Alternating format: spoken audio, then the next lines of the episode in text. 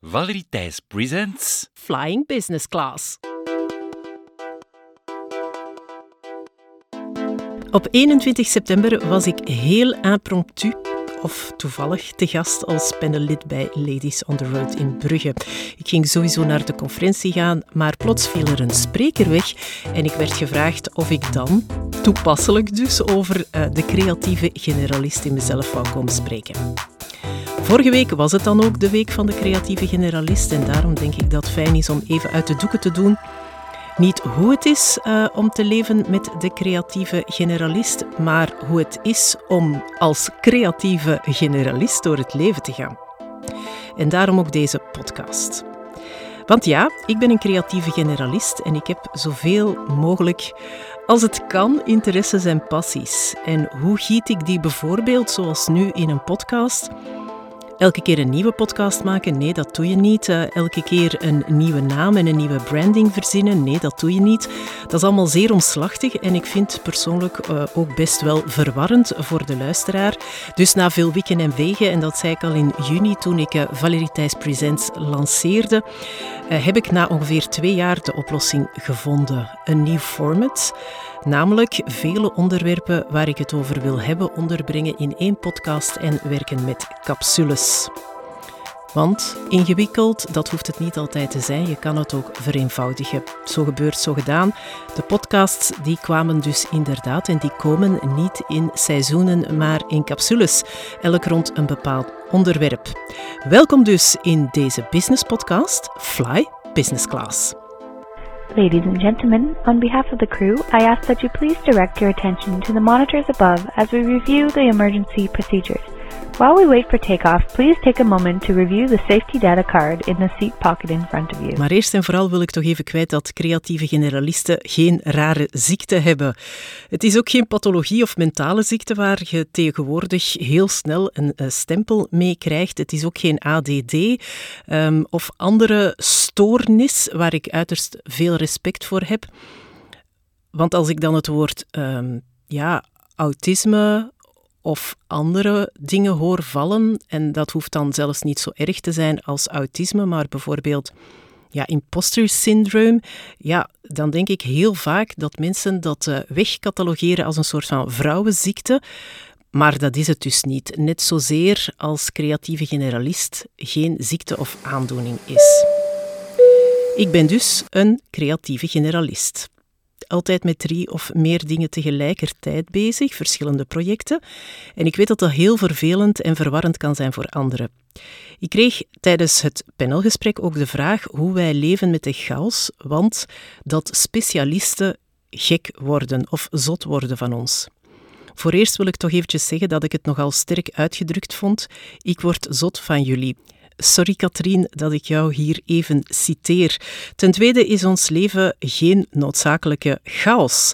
Alleen veel dingen die tegelijkertijd lopen en waar we perfect op kunnen werken. Op dit moment lig ik na een mega drukke ochtend en middag in de zetel als ik het mini-scenario van deze podcast neerschrijf. Draait er een wasmachine en staan er op mijn computer tegelijkertijd negen tabs open en ben ik bezig met drie dingen, namelijk deze podcast, het netwerkevent waar ik vanavond naartoe ga. En wat ik nog aan mijn cursus Smile You Have the Floor wil toevoegen van extra's voor mijn cursisten die volgende week maandag de module Storytelling zullen aanvatten. Dat wordt dus ook echt nachtwerk, want morgen voormiddag heb ik een event in Sint-Genees-Gesrode voor een uh, cosmetica bedrijf en heb ik een uh, half uur na de afsluit hiervan een call met een klant voor een event in oktober nog en daarna een interview met eh, Jennifer voor een uh, online artikel bij Bossi. En moet ik ondertussen ook nog ergens pasfoto's laten nemen, omdat ik vrijdag een nieuw paspoort moet aanvragen. En daarbij loopt er ook nog naast al die dingen een strakke, bijna dodelijke deadline. Ik moet tegen zaterdag 10 uur s morgens alle content voor de nieuwe module Storytelling voor Smile You Have the Floor, mijn presentatiecursus, in video's en audio's hebben gegoten, geëdit en op het leerplatform hebben gezet en bovendien ook nog mijn valies voor IJsland hebben gemaakt. Want ik zit zaterdagmiddag op een vlucht richting Reykjavik voor vijf dagen. Say what? Ja, dus er staan heel veel tabs open, maar uiteindelijk ben ik dan zelf ook nog eens bovendien een pietje precies, een perfectionist en een opruimneuroot. Mijn huis is zo goed als het kan aan de kant, altijd. Moest ik alleen wonen, dan zou het perfect aan de kant zijn, maar ik heb een gezin en dan is dat quasi onmogelijk. Dus ik heb dat leren loslaten. Maar ik ben en ik blijf een neuroot daarin. Ik kan niet werken als het huis niet opgeruimd is. Ik kuis elke dag mijn handtas uit als ik thuis kom na een lange dag. En mijn auto is altijd spik en span. Dus gek worden van al die tabs die in mijn hoofd openstaan. Ik betwijfel het dat ik daar eh, gek van word en ik betwijfel ook dat anderen daar gek van worden. Hè.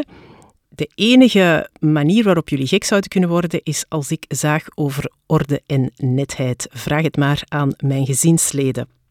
Zelf heb ik mijn creativiteit nooit als een last gezien, hè. eerder een rijkdom. Ik was goed in muziek en in sport. Ik kon en kan nog altijd goed schrijven, vertellen, ook al vonden de leerkrachten in de humaniora van niet, en was in uh, sommige vakken echt wel een echte kei. En ik kon keigoed van buiten leren. En ik kan als uh, een chameleon mij eigenlijk onderdompelen in verschillende milieus, verhalen, contexten, culturen en maatschappijen. Ik pas mij gewoon kei gemakkelijk aan. Ik ben dus in zekere zin die chameleon-creatieve generalist. Dat is een onderverdeling. Er zijn er een paar. Als je interesse hebt, kan je zeker eens een keer surfen naar de website van uh, Sylvia de Rom. Zij vertelt heel uitgebreid over die verschillende soorten creatieve generalisten. Ooit deed ik trouwens een test online bij haar en heeft ze me geïnterviewd tijdens de pandemie en daar kwam inderdaad uit. Uit uh, die test dat ik een chameleon ben. Wat dat nu precies wil zeggen, zal ik heel eventjes voorlezen. Als chameleon kan jij je zowel gedragen als een specialist of als een generalist. Je bent wat ook wordt genoemd een neo-generalist. Van alle generalisten ben jij de meest flexibele en eigenlijk nog het minst van al in een hokje te stoppen. Op de as diepte versus breedte navigeer jij vlotjes volgens wat er nodig is. Spontaan voel je dat je niet te lang in de ene nog de andere rol wil vastzitten, want het regelmatig veranderen van perspectief is iets wat jij boeiend vindt. Kortom, je combineert het beste van twee werelden en laat daardoor deze schijnbare uitersten mooi samenwerken en elkaar versterken.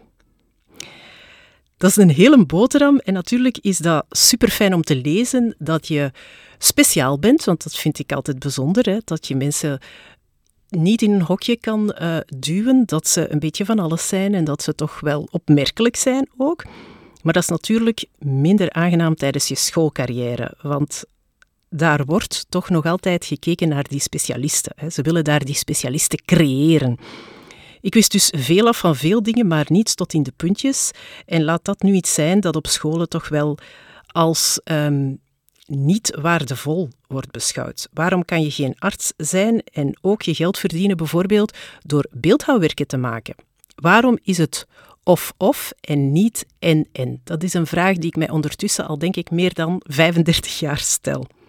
Ook sommige van mijn collega's, bijvoorbeeld toen ik weervrouw was, namen me niet au serieus, want ik las ook nog eens uh, de lottocijfers in en dus kon ik niet serieus genomen worden in het vak van weervrouw.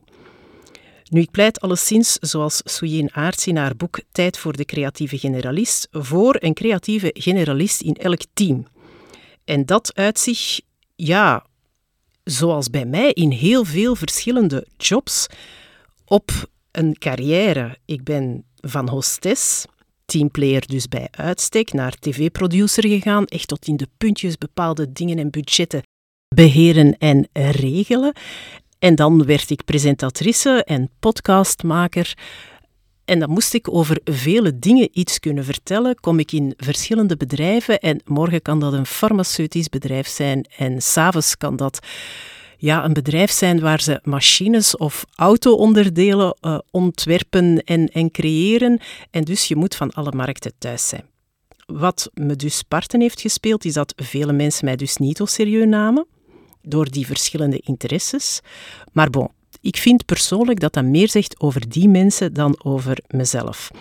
Ik zal dus nooit iemand beoordelen die zegt ik ben een wetenschapper, maar daarnaast ben ik ook een stand-up comedian, zoals Lieve Scheire, die er trouwens een geweldige carrière opgebouwd heeft. En sinds we die nieuwe software hebben, zijn de slimste mensen van deze planeet begonnen met daarmee de grote problemen van onze samenleving op te lossen.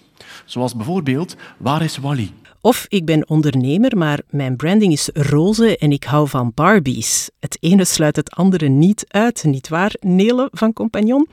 De labels die we opplakken en opgeplakt krijgen aan 2023 zijn echt wel heel erg vastgeroest en dringend aan vervanging toe. Wat ik ook vaak hoor, is dat ik pessimistisch zou zijn. Ik weet niet wat jullie denken, maar ik ben een geweldige optimist. Maar ik calculeer altijd ook het worst case scenario in.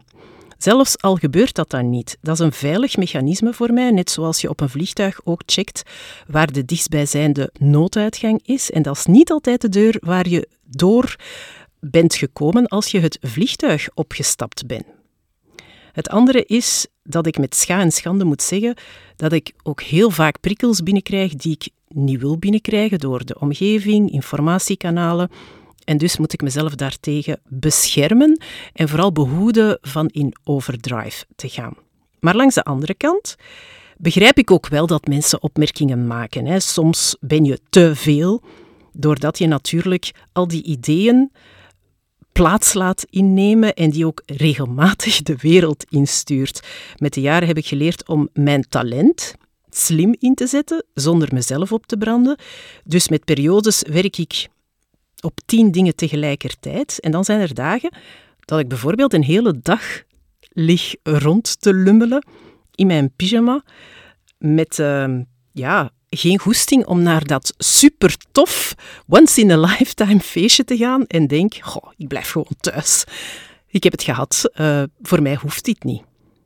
En iets anders dat er ook bij komt kijken bij die creatieve geest van mij, is dat alles heel erg gestructureerd moet zijn. Dus helemaal geen chaos.